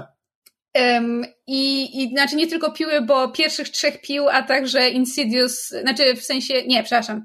Reżyserem y, jest y, The Invisible Man, y, przede wszystkim był scenarzystą pierwszych trzech pił, y, Insidious 1 i, i 2 i 3 i kolejnego, więc jakby um, jeśli chodzi o pisanie horrorów, to, to facet, facet wie co robi. Mhm. Um, natomiast jest to, jest to um, trzeci jego, znaczy trzeci jego film w jego reżyserii, trzeci film w jego reżyserii. Wow, jest już późno.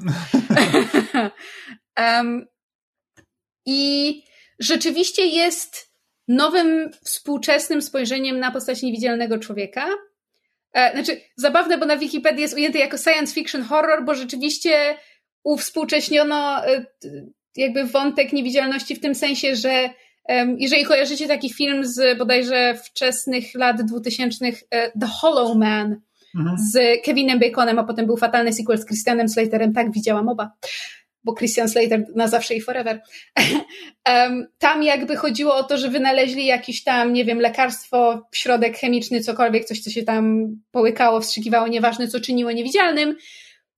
The Invisible Man, y, ten z 2020 roku, idzie bardziej w stronę współczesnych technologii, nazwijmy to. Znaczy, przy czym y, jakby z tego, co na bardzo szybko jakby doczytałem o jakby oryginalnym e, The Invisible Man, w sensie e, powieści e, H. Wellsa, to właśnie w powieści The Invisible Man był ekspertem w dziedzinie optyki, który przeprowadził eksperyment, który z, z uczynił go niewidzialnym i to jakby ten nowy film zachowuje. Jakby tutaj też The Invisible Man korzysta z technologii, jakby, znaczy jest powiedziane, że jest światowym, światowym liderem w dziedzinie właśnie optyki, miliarderem e, i potężnym człowiekiem ogólnie.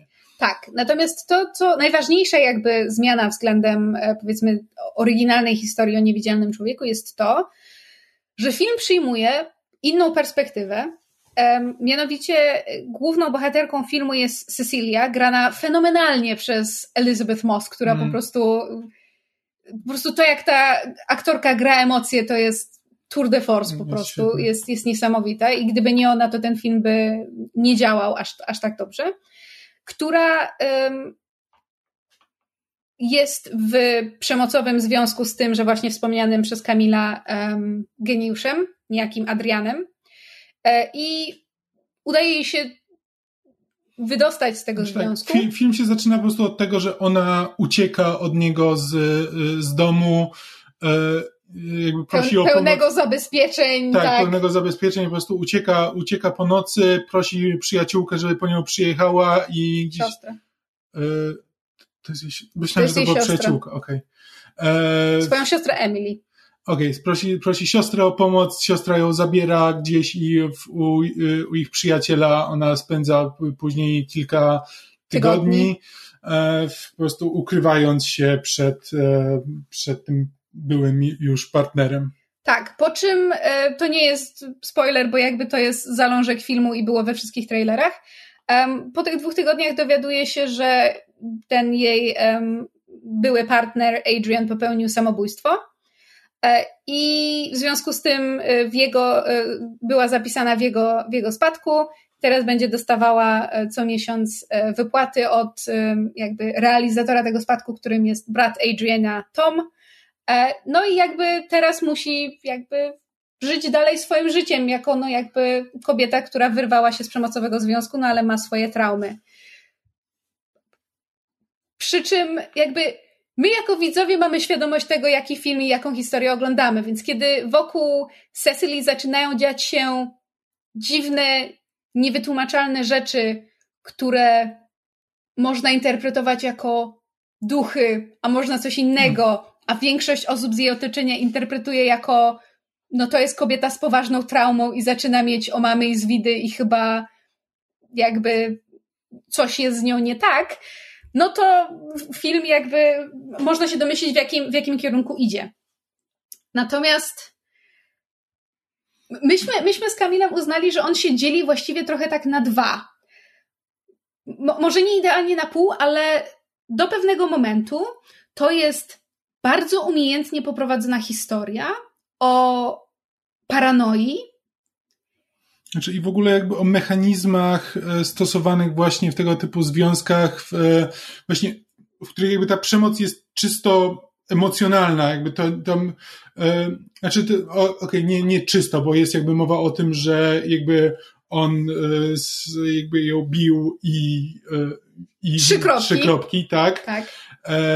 Ale jakby ale jakby główne clue tej przemocy jakby zasadza się na po prostu na traktowaniu i na jakby e, na, na tym w jaki sposób um, sprawca jakby tej przemocy e, uzależnia od siebie ofiarę, pod, tak, podminowuje ją na różne sposoby i właśnie i od tego się zaczę, zaczyna. Jakby pierwsza, pierwsza rzecz, którą robi w ogóle e, ten niewidzialny człowiek jakby w filmie, to e, kiedy, kiedy Cecilia odchodzi od kuchenki, on podkręca gaz w związku z czym nagle wznieca, wznieca pożar. Więc ona jakby w ogóle nawet na początku nie rejestruje, że coś się stało, tylko po prostu o nie, zapomniałam, jak mogłam to zrobić. Byłam rozkojarzona. Byłam tak. rozkojarzona, tak, jak, i przepraszam, że to zrobiłam.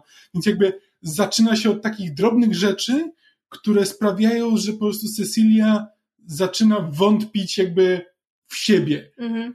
E, I właśnie i, nad, i to po prostu powoli, powoli buduje Także y, kiedy ona zaczyna wątpić w siebie i jakby inni zaczynają widzieć to, że ona też jakby traci tą, traci tą pewność siebie, to zaczynają się martwić o to, czy coś się nie dzieje. W związku z czym, kiedy później zaczynają się dziać prawdziwe rzeczy, wszyscy wokół niej mają problem z tym, żeby jej w to uwierzyć. Tym bardziej, że jakby jej argumentem cały czas jest to, że to Adrian, to jego robota, to jego sprawka, a wszyscy mają takie, no, no jakby wiemy, że zrobił ci krzywdę, ale no on nie żyje, no jakby get over it. Znaczy, mm. nikt tego nie mówi, ale taki jest tego sens i dlatego mówię, że jakby pierwsza część filmu w dużej mierze opowiada o paranoi, ale też właśnie o o tym, jakie to jest uczucie, kiedy ktoś ci nie wierzy, zwłaszcza kiedy jesteś kobietą. No bo umówmy się, jakby film nie mówi tego eksplicyte, ale nie ucieka od tego, że to jest kobieta, która uciekła z przemocowego związku, której ludzie nie chcą wierzyć i traktują ją inaczej przez to, przez co przeszła. I wydaje mi się, że to jest bardzo ważne z punktu, z punktu mm. widzenia jakby zmiany, której dokonano względem oryginalnej historii i jakby, że w ogóle podjęto decyzję, żeby współcześnie jakby biorąc pod uwagę e, no, kulturę gwałtu, którą mamy w, że tak powiem, zachodniej cywilizacji, ale nie tylko, ale przede wszystkim, e, żeby pokazać film właśnie z punktu widzenia kobiety, która, która wyszła i uciekła z przemocowego związku i teraz próbuje się odnaleźć w momencie, kiedy ona naprawdę jest dalej prześladowana przez swojego, przez swojego prześladowcę, przez swojego byłego partnera. I, I w sumie potem film w pewnym momencie już idzie w takie bardzo. Znaczy, z thrillera psychologicznego zmienia się troszeczkę w survival horror. Znaczy tak, druga, druga połowa filmu to jest, to jest bardzo dużo, bardzo dużo akcji która jest okej. Okay. Jakby jest tam parę fajnych scen, które się jakby dobrze ogląda.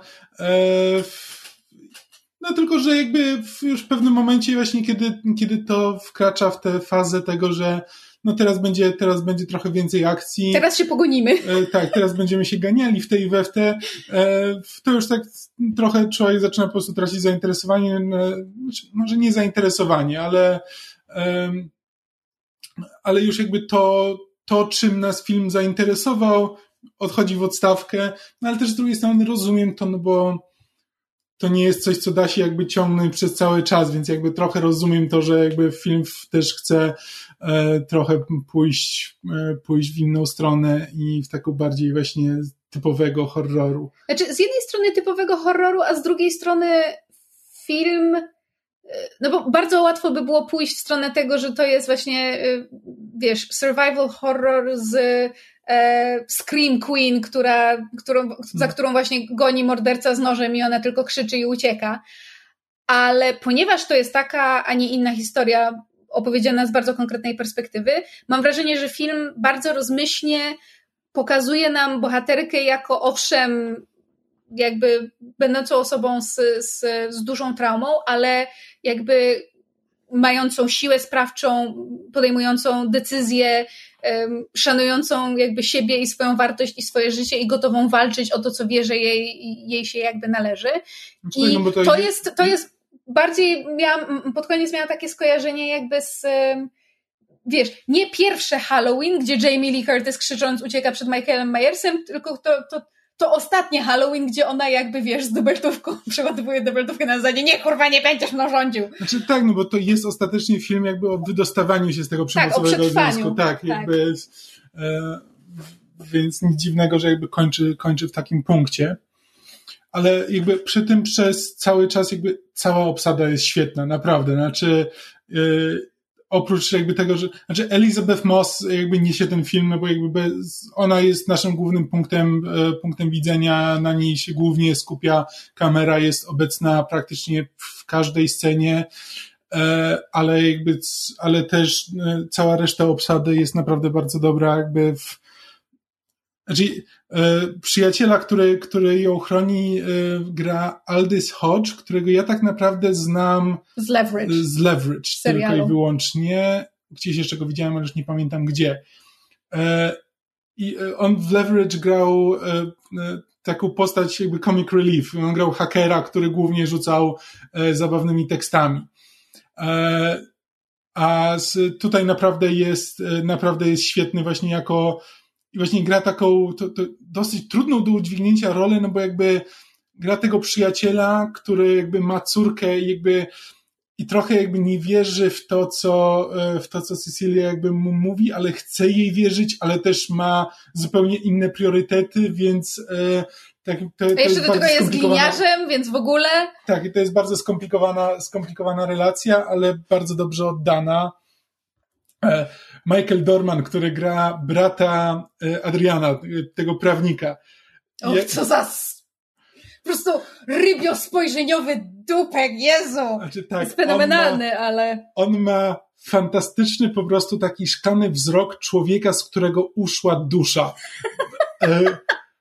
Ja go znam wcześniej z serialu Patriot, o którym opowiadałem kiedyś w Myszmaszu, w którym właśnie gra szpiega, który jest szpiegiem, bo cała jego rodzina, znaczy jego ojciec, jego ojciec był szpiegiem i on po prostu e, poszedł w jego ślady i cała jego rodzina jakby pracuje w wywiadzie w jakim, w ten czy inny sposób, więc on jest tym szpiegiem, ale ma już dosyć, ale nie może się, ale jakby chciałby się wydostać, ale musi jeszcze coś wykonać i nie może zawieść, zawieść ojca i on po prostu przez cały ten serial ma po prostu taką zmęczoną życiem e, minę. minę, nawet nie minę, po prostu cały po prostu epatuje tym, tym zmęczeniem. Jak się nazywał A ten aktor właśnie ma taki e, Michael Dorman. Michael Dorman. I e, a tutaj, a tutaj gra właśnie takiego nawet nie jakby, znaczy dupka, ale takiego, który po prostu bez kręgosłupa. Tak, że to, to, w pewnym momencie to w pewnym momencie nawet pada, że po prostu on nie ma żadnej osobowości, ale też jakby i nie wiemy jakby, czy on jest, czy on jest zły, dobry, po czy czyjej stronie. Co się dzieje, tak, czy on tak. w ogóle wie, czy on jest częścią jakby tej, e, te, e, tego wszystkiego. E, I to i w, te, w takiej roli, w takiej roli jest naprawdę dobry. I to, co mnie fascynuje, jakby ten, ten, ten film powstał za 7 milionów dolarów, co jest dla mnie absolutnie nie do wiary. Znaczy, jak zobaczyłem to teraz w, dosłownie jak zaczęliśmy nagranie, e, to, to naprawdę się zdziwiłem.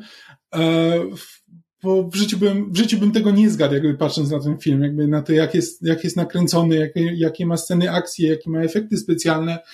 E, to jest, to jest wyprodukowane przez Blumhouse, mhm. którzy się właśnie specjalizują w niskobudżetowych, zwłaszcza horrorach. Znaczy, ale, ale jakby niskobudżetowych co nie znaczy złych, bo jakby nie, to jest, nie. Blumhouse jest znany właśnie z tego, że oni niewielkim kosztem robią bardzo dobre tak, horrory. Bo oni się skupiają na tym, żeby robić to małym kosztem, ale, e, ale żeby mieć dobrą historię przede wszystkim. Jakby tak. skupiają się na historii i wyprodukować ją jak najtaniej, ale te filmy wyglądają jakby były wyprodukowane za naprawdę dwa, trzy razy większe pieniądze. To prawda. Zresztą jakby film świetnie sobie poradził, mimo tego, że jakby został, e, znaczy jakby został wypuszczony do kin w momencie, kiedy jakby pandemia zaczynała, zaczynała się szerzyć e, i Universal e, niedługo po, chyba po jakichś czterech tygodniach w Chinach podjął, e, znaczy podjął decyzję, że niecałe cztery tygodnie po tym, jak film wyszedł w, w kinach, będzie też do, do obejrzenia na nośnikach.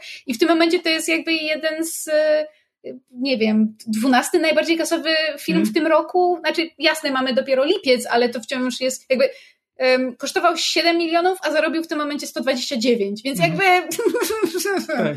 Jakby wiedzą, co robią, jakby wyprodukowali właśnie Paranormal Activity, Insidious, uh, The Purge, uh, Get Out, tak. Uh, jakby Split, te nowe, nowe, fi nowe filmy Shyamalana, E, Happy Death Day, które też było ostatnio sukcesem, Halloween, e, nowy, nowy reboot, który... Swoją który drogą, zarówno był... Happy Death Day, jak i nowy Halloween powinniśmy obejrzeć. E, tak, musimy, musimy nadrobić, ale też mają na koncie Whiplasha i Black KK Klansman. Black Klansman. Black Klansman. tak. Które też musimy obejrzeć. Które są filmami oscarowymi. E, więc naprawdę wiedzą, co robią i jak to robią i, i, po prostu jak się, robi, jak się robi dobre filmy, niezależnie od tego, ile masz na nie pieniędzy. Tak, i, i Czy jeszcze Black też Klansman wspomnieć... jest na podstawie sketchu Dave'a Chappella? Z Dave Chappelle Show? Mm. Bo on miał tam kiedyś sketch. Był niewidomym, znaczy, czarnoskórym wiem, członkiem czy... klanu. E, znaczy, być może jedno jest związane z drugim, bo film jest oparty o autentyczną historię e, czarnoskórego, chyba nie pamiętam, czy reportera, czy policjanta, który podszywał się pod białego członka klanu na spółkę ze swoim białym współpracownikiem. Okej, okay, no to historia Jeśli dobrze inna. pamiętam, o czym jest ten film. W, ske w sketchu Dave był po prostu czarnoskórym członkiem klanu, który był niewidomy, wychowywany przez białych nacjonalistów i nie wiedział, że jest czarnoskóry. Aha. Tym był sketch. To, to, to jest ciutkę inna historia. Tak, troszkę inna historia. Um, ale chciałam wspomnieć też, bo Kamil, Kamil mówił o obsadzie y, i y, cokolwiek niewielką z powodów dość oczywistych rolę ma y, Oliver Jackson Cohen, który gra właśnie Adriana, którego jak się... złego. Tak, tego głównego złego, który, jak się okazuje, ja go znam, w sensie ja go widziałam w paru innych rzeczach. E... Jego twarz w ogóle nic nie mówiła, więc. E, znaczy, on, on, grał, on grał Jonathana Harkera w tym y, fatalnym, krótkotrwałym y, serialu Dracula, gdzie Jonathan Rhys Meyers grał Drakulę. ale nie tylko. Znaczy, głównie, głównie go kojarzę z jakichś mniejszych ról w serialach. Nie ma tu dużej roli w tym filmie, ale on ma bardzo charakterystyczną twarz.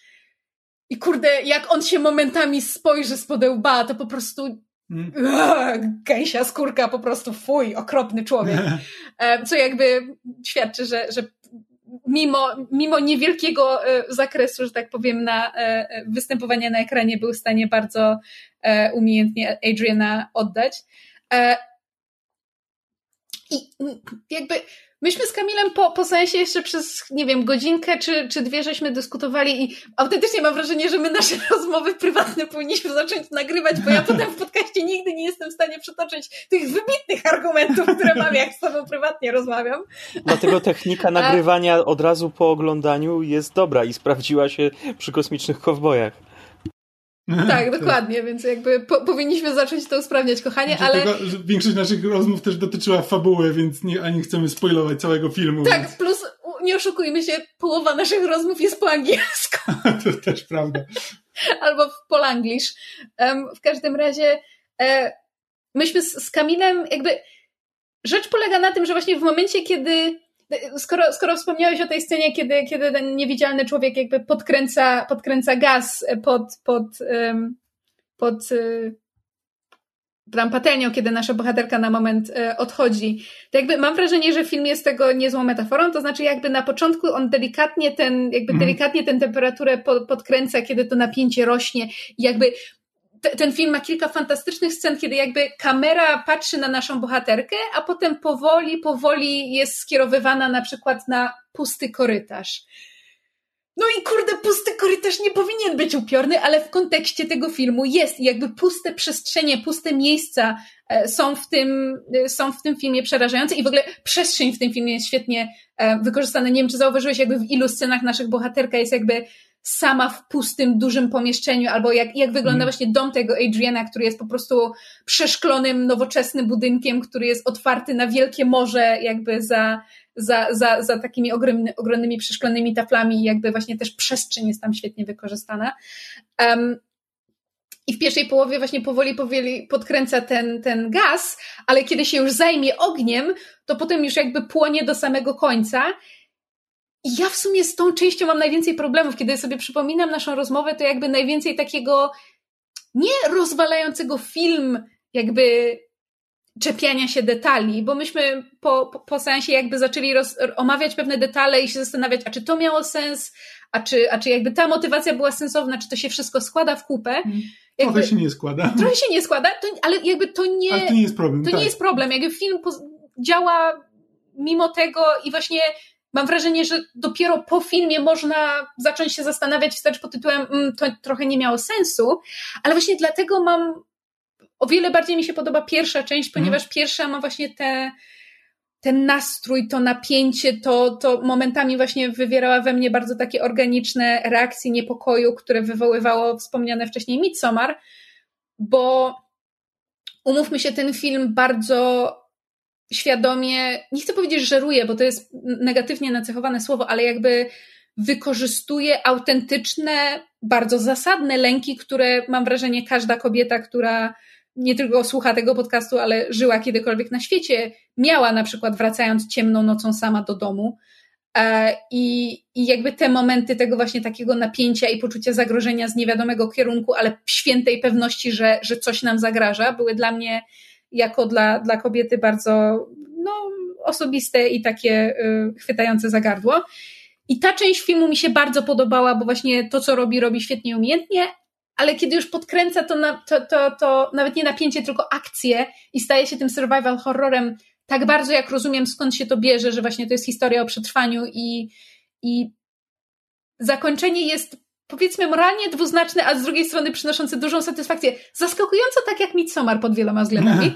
Um, to, to druga połowa mi się już podoba troszeczkę mniej. Znaczy tak, no bo to jest takie, że jakby w drugiej połowie, kiedy już przechodzi bardziej do akcji, to jakby to napięcie budowane przez, przez resztę filmu e, już praktycznie nie istnieje, bo już jest po prostu ta historia staje się o czymś zupełnie innym.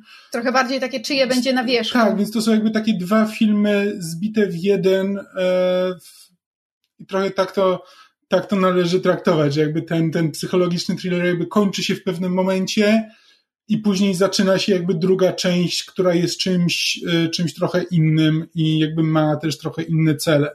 Ale z drugiej strony, jak się nad tym zastanawiam, nie bardzo wiem, jak inaczej miałaby się nawet hmm. nie tyle ta historia, znaczy ta historia potoczyć, ale właśnie też ta taka historia hmm. tego wyrwania się z, z przemocowego Dokładnie. związku i przetrwania. Inaczej niż tak jak film nam to, po, znaczy mówię, film nam pokazał jakby moralnie dwuznaczne zakończenie, ale jakby dające takie poczucie sprawczości i satysfakcji i nie bardzo wiem, jak inaczej miałby to zrobić, nie, więc tak, tak. to nie jest, to nie jest krytyka, to nie jest jakby, znaczy to jest krytyka, ale to nie jest, to, to nie świadczy źle o filmie, że jakby, że, że początek jest inny niż koniec pod względem jakby e, mhm. nastroju, czy, czy jakby takiego um, klimatu, który próbuje e, przekazać. Tak. Więc jakby e, The Invisible Man bardzo polecamy, a w ogóle to żeśmy go obejrzeli na, bo zapomniałam wspomnieć, obejrzeliśmy go na Chili www.filmowcy.pl, bo się pojawił parę dni temu. Można wreszcie obejrzeć um, na platformie za pieniądz, żeśmy wypożyczyli za wersja zwykła jest chyba za 9,99, HD jest, jest za 12,99. Ja wiem, że ja ostatnio ciągle o Chili wspominam, słowo daję, że nie robimy im reklamy, nikt nam za to nie płaci, po prostu staram się e, oglądać film legalnie, a ponieważ na Chili ostatnio jest dużo fajnych rzeczy, to akurat tak się składa. Hmm. Więc The Invisible Man bardzo z Kamilem polecamy. E, dobry, porządny thriller horror. Jeżeli komuś się podobało właśnie Get Out, czy, czy właśnie nie na przykład Midsommar, E, mimo że to troszeczkę inny, inny kaliber, e, to, to, to bardzo polecamy. Ja jeszcze raz polecam The Old Guard. A, Rafał, a ja jeszcze a raz nie, nie polecam Hangover, Hangover Games. Games. Tak, dokładnie. Ładnie sobie wyczytaliście w tych myślach. Tak. tak. E, dobrze. Rafałku, dziękujemy Ci bardzo za um, udział w naszym dzisiejszym odcinku i za bardzo miłą, sympatyczną rozmowę. My Zawsze pleasure. miło jest nam Cię gościć. Jak zawsze, tak bardzo jest. mi miło. Dobrze. E, to dziękujemy jeszcze raz Rafałowi. Dziękuję Tobie, Kamilu, który siedzisz tu obok mnie. Mężu Dziękuję Tobie, Myszu. Tak. E, I dziękujemy Wam, drodzy słuchacze, za to, że byliście z nami i słuchaliście tego odcinka. Jak zwykle zachęcamy Was do zostawienia swoich komentarzy, pytań, sugestii pod tym odcinkiem na YouTubie, e, na naszym fanpage'u, na Facebooku lub na naszych różnych social media. Wszyscy razem, jak tutaj nie siedzimy, każdy przed swoim mikrofonem, jesteśmy na Twitterze, na Facebooku, możecie do nas pisać staramy się e, regularnie odpowiadać. E, możecie nam wysyłać maila na kontakt małpapodsłuchane.pl i um, bardzo zachęcamy do słuchania innych podcastów z naszej sieci. Tak, w momencie, kiedy tego słuchacie, to już e, wyszedł pierwszy odcinek Orków na Ugorze, e, który są częścią jakby sesji na podsłuchu, ale zupełnie odrębną historią. E, gramy w grę, która nazywa się The Quiet Year i jest to, e, jest to E,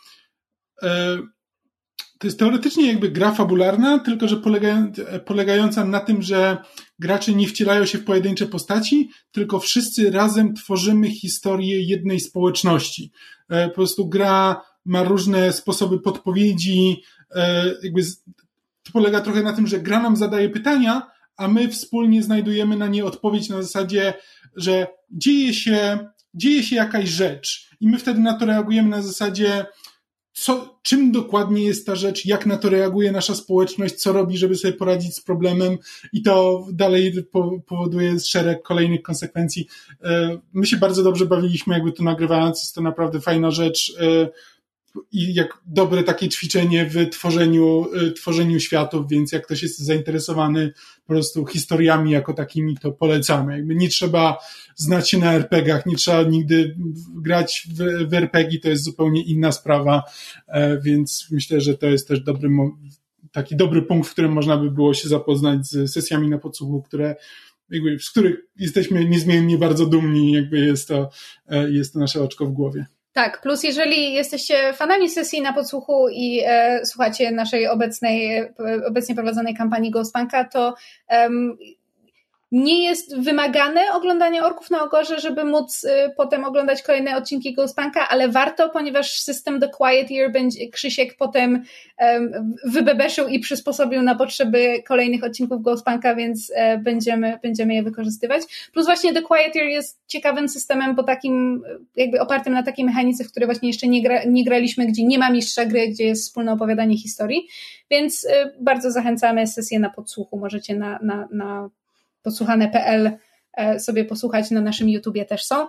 E, zachęcamy też do słuchania Gorących Krzeseł, gdzie Kamil, e, Krzysiek i Rafał omawiają gry komputerowe, bo jest to segment, który wyleciał z Myszmasza wiele lat temu i teraz ma swój osobny podcast. I zachęcamy też jak zwykle do zobaczenia sobie naszych gadżetów. Mamy myszmaszowe i sesjowe i krzesłowe e, gadżety na e, naszym sklepie podsłuchane.pl ukośnik sklep. E, ktoś ostatnio się dziwił pod odcinkiem Q&A sesji, że jak to macie sklep z gadżetami i nic nie mówiliście? Mówię, w każdym odcinku mówię, że mamy sklep, a przynajmniej staram się mówić. Gorąco zachęcamy, żebyście tam zajrzeli, możecie nas w ten sposób wetrzeć, kup... wetrzeć, wow, jest już późno, jest prawie 23. Możecie nałożyć na siebie koszulkę i wetrzeć nas sobie w ciało. tak, ale jestem pojebany. To jest dowcipu, nieważne. E, możecie nas wesprzeć, kupując sobie e, koszulkę. E, możecie też nas oczywiście wspierać wysyłając ten lub inne nasze odcinki swoim e, znajomym, szerując na social media, pisząc jacy jesteśmy fajni, jak się dobrze słuchało i w ogóle jest, jacy ja jesteśmy tak, like, like, share and subscribe. Like, share and subscribe, tak jest. Nie no muszę, mój wewnętrzny PR mi każe. Hmm. E, I to tyle już od nas. Dziękujemy Wam bardzo, że nas słuchaliście i do usłyszenia w kolejnym odcinku. Miejmy, nadzieję, miejmy nadzieję już z powrotem z Krzykiem. Tak jest. Tak jest. Pa, pa. pa, pa.